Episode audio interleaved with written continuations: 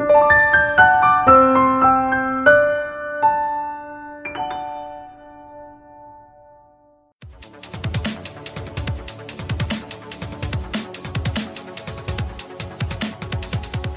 سلام. این برنامه کویر تیوی و من فرمان هستم. اینجا برگشتی با هلیا تا با شما باشیم. سلام به همگی و منم خوشحالم دوباره برگشتیم با کلی اطلاعات خیلی خیلی جالب و هیجان انگیز و جذاب. توی برنامه قبلی هلیا برامون درباره انیمیشن ها گفت ولی چون طولانی شد گفتیم یه دونه برنامه دیگه درست کنیم براتون و ادامهش رو اینجا تعریف کنیم. خب ما یه اختار کوچیکم بدیم که این وسط یه سری داستان ها ممکنه اسپویل شه اصطلاحا. که اسپویل شدن یعنی اینکه یه تیکه از فیلم ما لو قرار بریم تو این داستان. آره خب ببین ما تا آخر سال 2004 پیش رفتیم. یعنی سریالایی که سال 2004 آغاز پخششون بوده و بعضیاشون حالا یا تموم شده یا هنوز ادامه داره. الان می‌خوام سال سریال های انیمیشنی رو شروع کنیم که بین 2005 تا 2009 آغاز پخششون بوده. خیلی خوب فکر کنم پس تازه از اینجا به بعد هی نمایش کویرم بیشتر و بیشتر شد. بزن بریم ببینیم چه خبر بوده.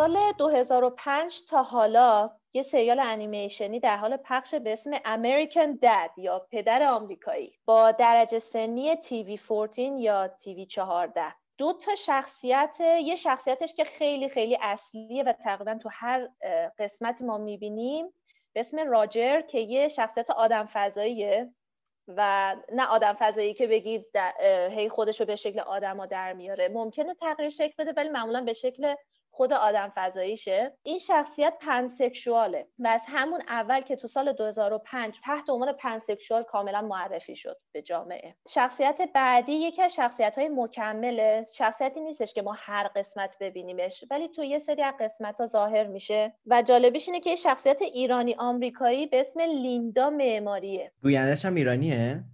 نه گویندش ایرانی نیست. آمریکایی به اسم میگان پرایس.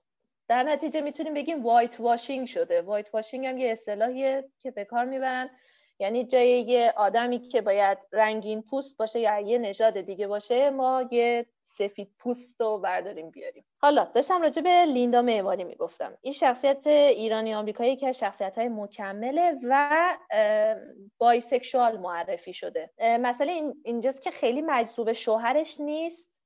و در واقع بیشتر مجذوب یکی از شخصیت های خیلی اصلی زن سریاله. بیشتر به اون علاقه نشون میده و حتی توی یکی از قسمت ها هم میبوستش می‌رسیم سال 2006 بریم ببینیم 2006 چه خبر بوده. 2006 یه سریال انیمیشنیه یه ذره متفاوته با بقیه. میاد به اسم لیزی دلزی یه استنداپ کامدی به شکل انیمیشن درست کرده. بعد توسط انیماتور اسرائیلی به اسم روث سلوین درست شده. شخصیت اصلیش لیزیه که یه دختر لزبیانه و تمام استنداپ استنداپاش هم راجع به لزبیانا و علاقش و ایناست نکته جالبش اینه که این انیمیشن سریالی وب سریزه یعنی اینکه یه سریال اینترنتی رو یوتیوبه و همه می‌تونن ببینن قابل دسترسه برای همه. برای درجه سنی می‌تونم اینجوری بگم که چون رو یوتیوبه تصاویر خیلی بزرگ سالانه نداره ولی حرفایی که زده میشه بزرگ سالانه است. پیشنهاد من برای نوجوانای بالای 16 17 تقریبا. و می‌رسیم به الان می‌خوام برسم به دهه طلایی 2010 یعنی میشه بین سال 2010 تا 2020 چرا طلایی؟ چرا طلایی؟ به خاطر اینکه نمایش افراد کویر تو انیمیشن ها تو این دهه به طرز قابل توجهی افزایش پیدا می‌کنه. و ما انیمیشن غربی بیشتری می‌بینیم که نمایش افراد کویر دارن خصوصا با ردبندی سنی پایین. به خاطر اینکه دقت کرده باشیم ما هرچی گفتیم تا حالا اکثرا ردبندی سنی حالا یا تیوی 14 بوده یا بزرگسال بوده. اونی که مثلا تیوی وای 7 بوده یا تیوی وای بوده که میشه برای بچه های خیلی کوچیکتر خیلی کمه. ولی توی این دهه ما انیمیشن رو می‌بینیم که بر رده بندی سنی خیلی پایین تره و نمایش افراد کویر هم داره. این بر همینه که دوران طلایی بهش میگن. مرسی فهم. حالا اولین انیمیشن سریالی که می‌خوام بهش بپردازم که برای خیلی آشناه و موسیقی تیتراژ اولش هم تو ذهن همه فکر کنم تو ذهن خیلی بیاد پونی کوچیک من یا My Little Pony Friendship Is Magic ه می‌شناسه این سریال رو فکر کنم همه بشناسن نمی‌شناسی؟ نه ولی character ه رو ندیدم ولی می‌شناسم. یعنی character ه رو دیدم روی اینترنت. سریال پونی کوچولوی من از سال 2010 تا 2019 رو آنتن بوده. جدایی از فیلم های سینماییش که درست میشه. ردبندی سنیش تیوی وایه. یعنی هر بچه با هر رده سنی رو می‌تونی بشونی پای تلویزیون و این انیمیشن رو نگاه کنه. تو سال 2010 که سال شروع خود سریال بوده دو تا کاراکتر معرفی می‌کنه و هر دوتا لزبیان هستن. یکی Lyra Heartstrings یکی هم Sweetie Drops تو فصل نه به همدیگه پیشنهاد ازدواج میدن و تو قسمت آخر هم ما می‌بینیم این دوتا به عنوان زوج ظاهر میشن. بعد سال 2012 یه شخصیت دیگه معرفی میشه به اسم King Sombra که شخصیت منفیه. bisexual ه ولی تو انیمیشن مستقیما باز بهش اشاره نمیشه. نویسنده ها خودشون تایید می‌کنن که این شخصیت bisexual هستش. و سال 2019 دو تا شخصیت لزبیان معرفی میشه تو این سریال. به یکیشون آنت هالیدی یا خاله هالیدی اون یکی هم آنتی لافتی. خاله لافتی اسمشه. من میترسم اینا رو بقیه گوش کنن نذارم بچه هاشون ببینن. یه سر از این قضیه میترسم. تو وجدان گرفتی؟ یعنی اومدی کار ثواب کنی یا بچه ها کباب بشن بیچاره ها من می... یعنی ببین هدف ما واقعی من همیشه میگم هدف ما چه هدف ما اینه که بگیم که والدین بذارن بچه هاشون ببینن تا آشناشن اون خب، والدینی که نگرانن اون والدینی که نگرانن می‌تونن دوبله فارسیشو بدن بچه هاشون نگاه کنن. چون قطعا این دوبله فارسیش احتمالا گرایش جنسی و جنسیت همه رو تغییر داده تا همه چی به هم بخوره. مسلما مسلما هم چیز خواستگاری و ازدواج اون دوتا شخصیت رو نشون نمیده. صد درصد. یعنی اون, اون خانواده های از وجدان نگیر زیاد. آره. اینو ما داریم برای خانواده های میگن که خانواده های میگیم که این پذیرش بالا رو دارن و دارن از خودشون می‌پرسن که آیا اگه بچه هم ببینه مشکلی پیش میاد که همطور که هلیا داره میگه همه این برنامه ها ردبندی سنی دارن. شما می‌تونید با توجه به ردبندی سنی که آدمای حرفه اینو مشخص کردن انتخاب کنید که بچهتون این کارتونا رو ببینه یا نبینه. صد درصد. و اینکه یه چیزی هم من بگم خوب این ردبندی سنی که من میگم برای محدود کردن سن بچه هاست خب؟ یعنی اینکه مثلا وقتی میگم هم بر فرض مثال همین انیمه سریال مای لیتل پونی پونی کوچولوی من که میگم تیوی وایه یعنی هر بچه هر سنی می‌تونه بشینه ببینه. به این دلیل نیستش که مثلا یه بزرگسال یا یه نوجوان نمی‌تونه ببینه ها. من از این طرف محدود نمی‌کنم. یا مثلا چه می‌دونم یه انیمیشنی رو معرفی می‌کنم که تیوی چهاردهه یعنی برای نوجوانای 14 سال به بالا می‌تونن آزادانه بشینن ببینن. به این معنی نیستش که مثلا نوجوان 17 18 ساله نمی‌تونه اونو ببینه. از این برم نکردیم می‌تونیم برگردیم اونا رو نگاه کنیم.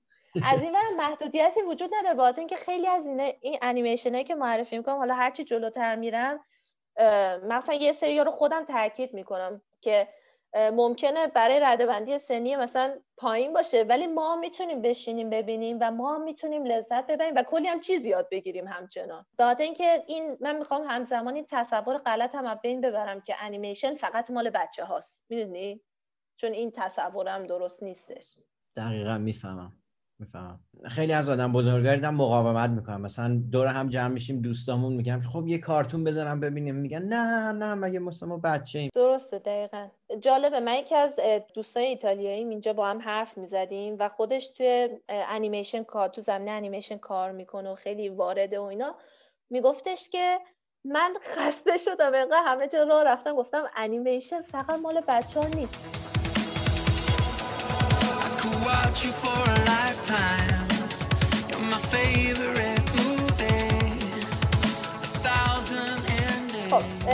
این سریال که می‌خوام معرفی کنم از سال 2010 تا حالا در حال پخشه سریال یانگ جاستیسه که بر اساس شخصیت های کومیک های دیسیه بعد شخصیت کویر زیاد داره و البته هر اگه اهل کمیک با... هر که اهل کمیک باشه می‌دونه خیلی از شخصیت های کمیک اسماشون خیلی سخته. من الان اینجا دو سه تا اسم دارم که تو تلفظشون یکم موندم راستش. خب اولی شخصیت کال دورام فکر می‌کنم که polysexual هستش. ببین برای اولین بار یه شخصیت polysexual داریم. آره من تو سینمام همچین چیزی ندیده بودم. یعنی اصلا جیغ و دست و هورا.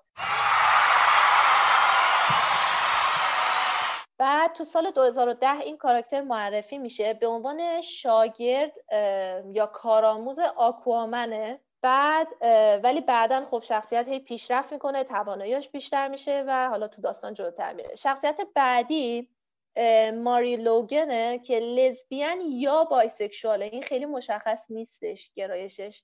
تو سال 2010 معرفی میشه. چیزی که صد درصد اینه که توی این سریال نشون داده شده که خیلی مجذوب زنا میشه بیشتر. بعد می‌رسیم به یه کاراکتر خیلی جالب به اسم وایلت هارپر یا هیلو. بیشتر به اسم هیلو میشناسنش. genderqueer ه. تو سال 2019 معرفی شده. مسئله اینه که این کاراکتر به طور کل روح Mother Box ه. Mother Box یه وسیله نمی‌دونم چجوری توصیفش کنم. کسی که خیلی آشنا باشه با دنیای DC بیشتر می‌تونه حرفا متوجه بشه. یه جعبه رو در نظر بگی خب. که این جعبه قدرت های هم تکنیکی هم جادویی خیلی اساسی داره. در واقع مثل عنصر خیلی مهمیه کلا تو دنیای DC مثل تو مارول که Infinity Stone اون سنگا خیلی مهمن تو دنیای DC این Mother Box ها خیلی مهمن. این بهترین توضیحی بود که من می‌تونستم بدم. ولی شخصیتی که گفتی روح این جعبه است. آره این هیلو روح این Moth... یکی از این Mother Box هاست مثل غول چراغ جادو؟ ام... نمی‌دونم. چراغ اون غوله روح چراغ است یا نه؟ شاید. نمی‌دونم خیلی فکر نمی کنم باشه. برای اونه که تا حالا ندیدن یه ذره قابل درک ولی مسئله اینه که الان بیشتر توضیح میدم. ببین این چون روح Mother Box جنسیت نداره خب؟ ولی تو انیمیشن ما اینو در بدن منتصب به زنانه می‌بینیم. یعنی بدنی که بهش دادن ظاهری که بهش دادن منتصب به زنانه است. با این وجود خودش رو به عنوان زن یا مرد هویت یابی نمی‌کنه. تو کارتون. فهمیدم. بعد شخصیت بعدی که باز دوباره اسمش سخته و من دوباره شرمنده میشم توی تلفظش ویند یا وایند. نمی‌دونم چجوری بخواد. اینکه دو تا وای داره پشت سر هم نمی‌دونم چجوری باید تلفظش کنم. بعد این شخصیت گی هستش 2019 معرفی میشه و با اون شخصیت اولیه که اسمش سخت بود گفتم کالدورام با اون در نهایت این دوتا با هم وارد رابطه میشن. شخصیت بعدی هارپر رو هستش که بایسکشوال معرفی میشه تو سال 2019 دوست هیلوه همونی که گفتم روح Mother Box ه و توی قسمت هم همدیگر رو میبوسن. تو comic های DC هم هارپر رو bisexual معرفی شده. انیمیشن بعدی که از سال 2011 تا 2019 رو آنتن رفته. The Amazing World of Gumball یا دنیای هیجان انگیز گامبال خود شخصیت گامبال bisexual یا pansexual. مشخص نیست. چرا؟ به خاطر اینکه توی بحث توییتری از خالق سریال پرسی راجع به sexuality گامبال سوال کردن. و صرفا با این جمله جواب دادش که Gumball loves whoever he loves. گامبال هر کسی رو که بخواد دوست داره. در نتیجه اینجوری برداشت میشه که گامبال bisexual یا pansexual ه وقتی که اینجوری میگم به این معنی نیست که توی انیمیشن الان ما دوباره باید تاکید کنیم به همه والدین که این نیستش که این شخصیت میره بیرون به همه به همه مجذوب میشه یا نه؟ هیچی نیست. این شخصیت قیافش هم سرچ کنی یه گربه آبی بعد دوازده سالشه تو کارتون و دنیا میره بیرون ماجراجویی می‌کنه. هیچی نیست. فقط مسئله اینه که آدم ها رو فارغ از جنسیتشون به شدت دوست داره. همین. و خیلی محبت می‌کنه. سریال انیمیشنی بعدی که می‌خوام معرفی کنم یکی از سریال انیمیشنی مورد علاقه شخصی خودمه. که از 2012 تا 2014 رو آنتن رفته. خیلی با انیمه با سریال Avatar The Last Airbender آشنان. دنبالش Avatar The Legend of Korra یا آواتار افسانه کورا اومد. که میگم همین سال دو بین 2012 تا 2014 رو آنتن بود. من به شدت عاشق این سریالم و به نظر من دیدی میگن unpopular opinion یه نظری که احتمالا بعدش کتک بخورم. Avatar The Legend of Korra به نظر من خیلی بهتر از Avatar The Last Airbender ه احتمالا بعدش مردم میفتن دنبال من. نه هیچ وقت خشونت نمی‌کنم. شخصیت اصلیش کورا بایسکشوال معرفی میشه. حالا چجوریه؟ ما تو سریال مخصوصا قسمت ها و فصل اول می‌بینیم که کورا با یکی از شخصیت اصلی مرد به اسم ماکو رابطه داره. ولی بعدا تقریبا تو عواسط سریال اینا به هم می‌زنن و هم جدا میشن. بعد یه شخصیت دیگه ای وارد داستان میشه به اسم آسامی. آسامی هم مثل کورا یه دختر سیس جندره اونم یه مدت با ماکو وارد رابطه میشه. بعد به هم می‌زنن. بعد ما نهایتا تو قسمت آخر سریال می‌بینیم که کورا و آسامی دست همدیگر رو گرفتن به هم خیره شدن تو چش هم نگاه می‌کنن و به سمت یه پورتال میرن و بعدش هم کات میشه و credit تیتراژ آخر میاد بالا. من چیزی که می‌خوام بگم یادم وقت دفعه اولی که این دیدم من اصلا نفهمیدم. بعدا که خوندم گفتن آه این دوتا bisexual من اصلا جالبه میگم دفعه اولی که من دیدم که همون 2014 که آخرین قسمتش رفت رانتر من هم موقع دید همزمان می‌دیدم. و خیلی اصلا متوجه نشدن تا بعدتر. و مسئله اینه که بعد از سریال کومیک های کورا تهیه شد. و تو کومیکاش به بایسکشوالیتیشون و اینکه این دوتا با هم زوج هستن بیشتر پرداخته شد.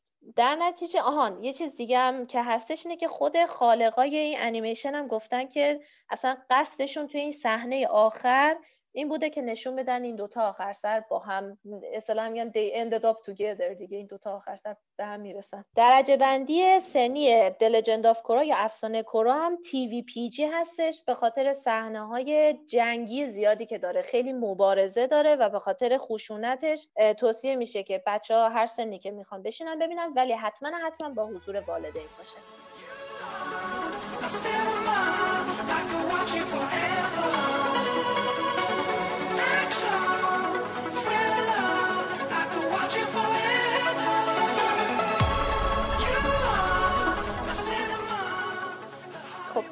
سریال انیمیشنی بعدیمون که از سال 2012 تا 2016 رو آنتن رفته Gravity Falls بین اونایی که خیلی عشق دیزنیان ممکنه این انیمیشن شناخته شده باشه چون از دیزنی پخش شده. مسلما مال قبل از زمانی که دیزنی پلاس اومده بوده. دو تا کاراکتر گی داره یکی Sheriff Blubs یکی هم Deputy Durland. بعد تو قسمت آخر این دو نفر عشقشون رو به هم ابراز می‌کنن و رابطه عاطفیشون رو با هم دیگه تایید می‌کنن.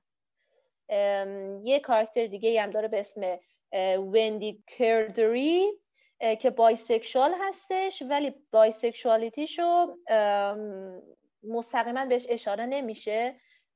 خالق برنامه توی مصاحبه این مسئله رو مطرح می‌کنه. درجه بندی سنی Gravity Falls یا آبشار جاذبه TV Y هفته. بازم بچه های هفت ساله می‌تونن بشینن ببینن. می‌رسیم به این الان می‌خوام یه سریالی رو بگم که یعنی دیگه از لحاظ نمایش افراد queer تو دنیای انیمیشن و انیمیشن سریالی اصلا ترکونده. اینطور گفته میشه و تعریف میشه که وقتی صحبت قصه گویی فراگیر یا inclusive میشه این سریال دائما فراتر از مرزها میره. یعنی اینجوری ازش تعریف شده.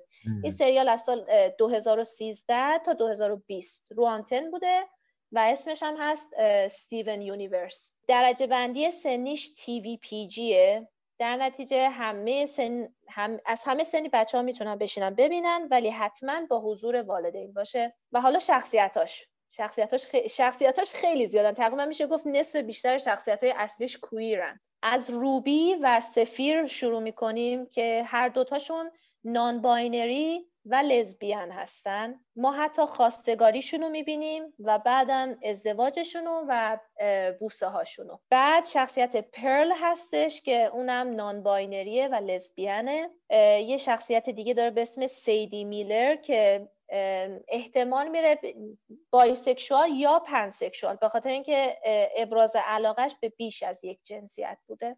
یه شخصیت خیلی جالبی که داره Stevonnie هستش. Stevonnie non-binary و intersex ه. خالق برنامه گفته که به طور کل این شخصیت رو با ضمیر جنسی خونسا. درست میگم؟ neutral در واقع آره gender neutral خطاب قرارش میدن یا they همونطور که خودشون اشاره کردن. و از بین بقیه شخصیت های سریال چه اونایی که مرد هویت یابی می‌کنن چه زن به طور کلی هر جنسیتی همشون به این شخصیت گرایش فیزیکی دارن. یعنی قشنگ به شکل فیزیکی بهش جذب میشن مجذوبش میشن. خیلی شخصیت جالبی داره Stevonnie. بعد شخصیتی داریم به اسم Peridot. Peridot هم asexual هم aromantic ه. با این حال خیلی مستقیم تو سریال نشون داده نشده. یه, سر... یه شخصیت دیگه داریم به اسم Rose Quartz که Rose pansexual ه. به عنوان یه شخصیتی توصیف شده که فارغ از جنسیت دیگران به عشق باور داره. و آخرین شخصیت Bismuth که لزبیان هستش. ایوان اینجوری خیلی خوبه. پس بچه ها الان کلی option بهشون دادی کلی انتخاب بهشون دادی که انیمیشن با محتوای queer ببینن یا والدین اگه بخوام برای بچه‌هاشون انتخاب کنن الان دیگه کلی option دارن. دقیقا همونطور که گفتم دهه 2010 تا 2020 واقعا دهه طلایی انیمیشن با نمایش افراد queer ه. باز هم کلی انیمیشن هست من می‌تونم معرفی کنم. تو برنامه های بعدی هست. من معرفی می‌کنم و دوباره یادآوری می‌کنم. انیمیشن هایی مثل مثلا همین Steven Universe که الان بهش اشاره کردم. Steven Universe در واقع گل سرسبده. خب به خاطر اینکه نه تنها به مسائل سکشوالیتی می‌پردازه به مسائل خیلی مسائل جدیتر که بچه ها و نوجوانا ممکنه باهاش مواجهشن تو زندگی به اونا می‌پردازه. در نتیجه خیلی خیلی انیمیشن پرمحتواییه. برای همین من به شدت توصیه می‌کنم نه فقط برای بچه ها بلکه حتی چه من دوستایی دارم که همسن منن میشینن می‌بینن. می‌دونی بیست خورده ای ساله ها می‌تونن بشینن اینو ببینن و هیچ مشکلی نداره. به خاطر اینکه اینا بی نهایت نمی‌دونم چجوری بگم خیلی چیزای ارزشمندی بهمون به یاد میدن. از لحاظ بصری و تکنیکی خیلی قویه Steven Universe یا Gravity Falls هم همینطور. خیلی از اینا از لحاظ تکنیکی خیلی قویان. از لحاظ داستان پردازی خیلی قویان. در نتیجه دست کم نگیریم اینا رو. حتی ما هم که بزرگسالی من می‌تونیم بشیم اینا رو ببینیم. دقیقا. گفتی 20 خورده ولی دیگه اصلا عمر نداره. هر عمر نداره. آره من 20 خورده یا به خاطر خودمون مثال خب دست در نکنه. ایلیا من که خیلی حال کردم. خواهش می‌کنم. خب پس تا هفته دیگه و یه لیست دیگه از انیمیشن های کویر خدا حافظ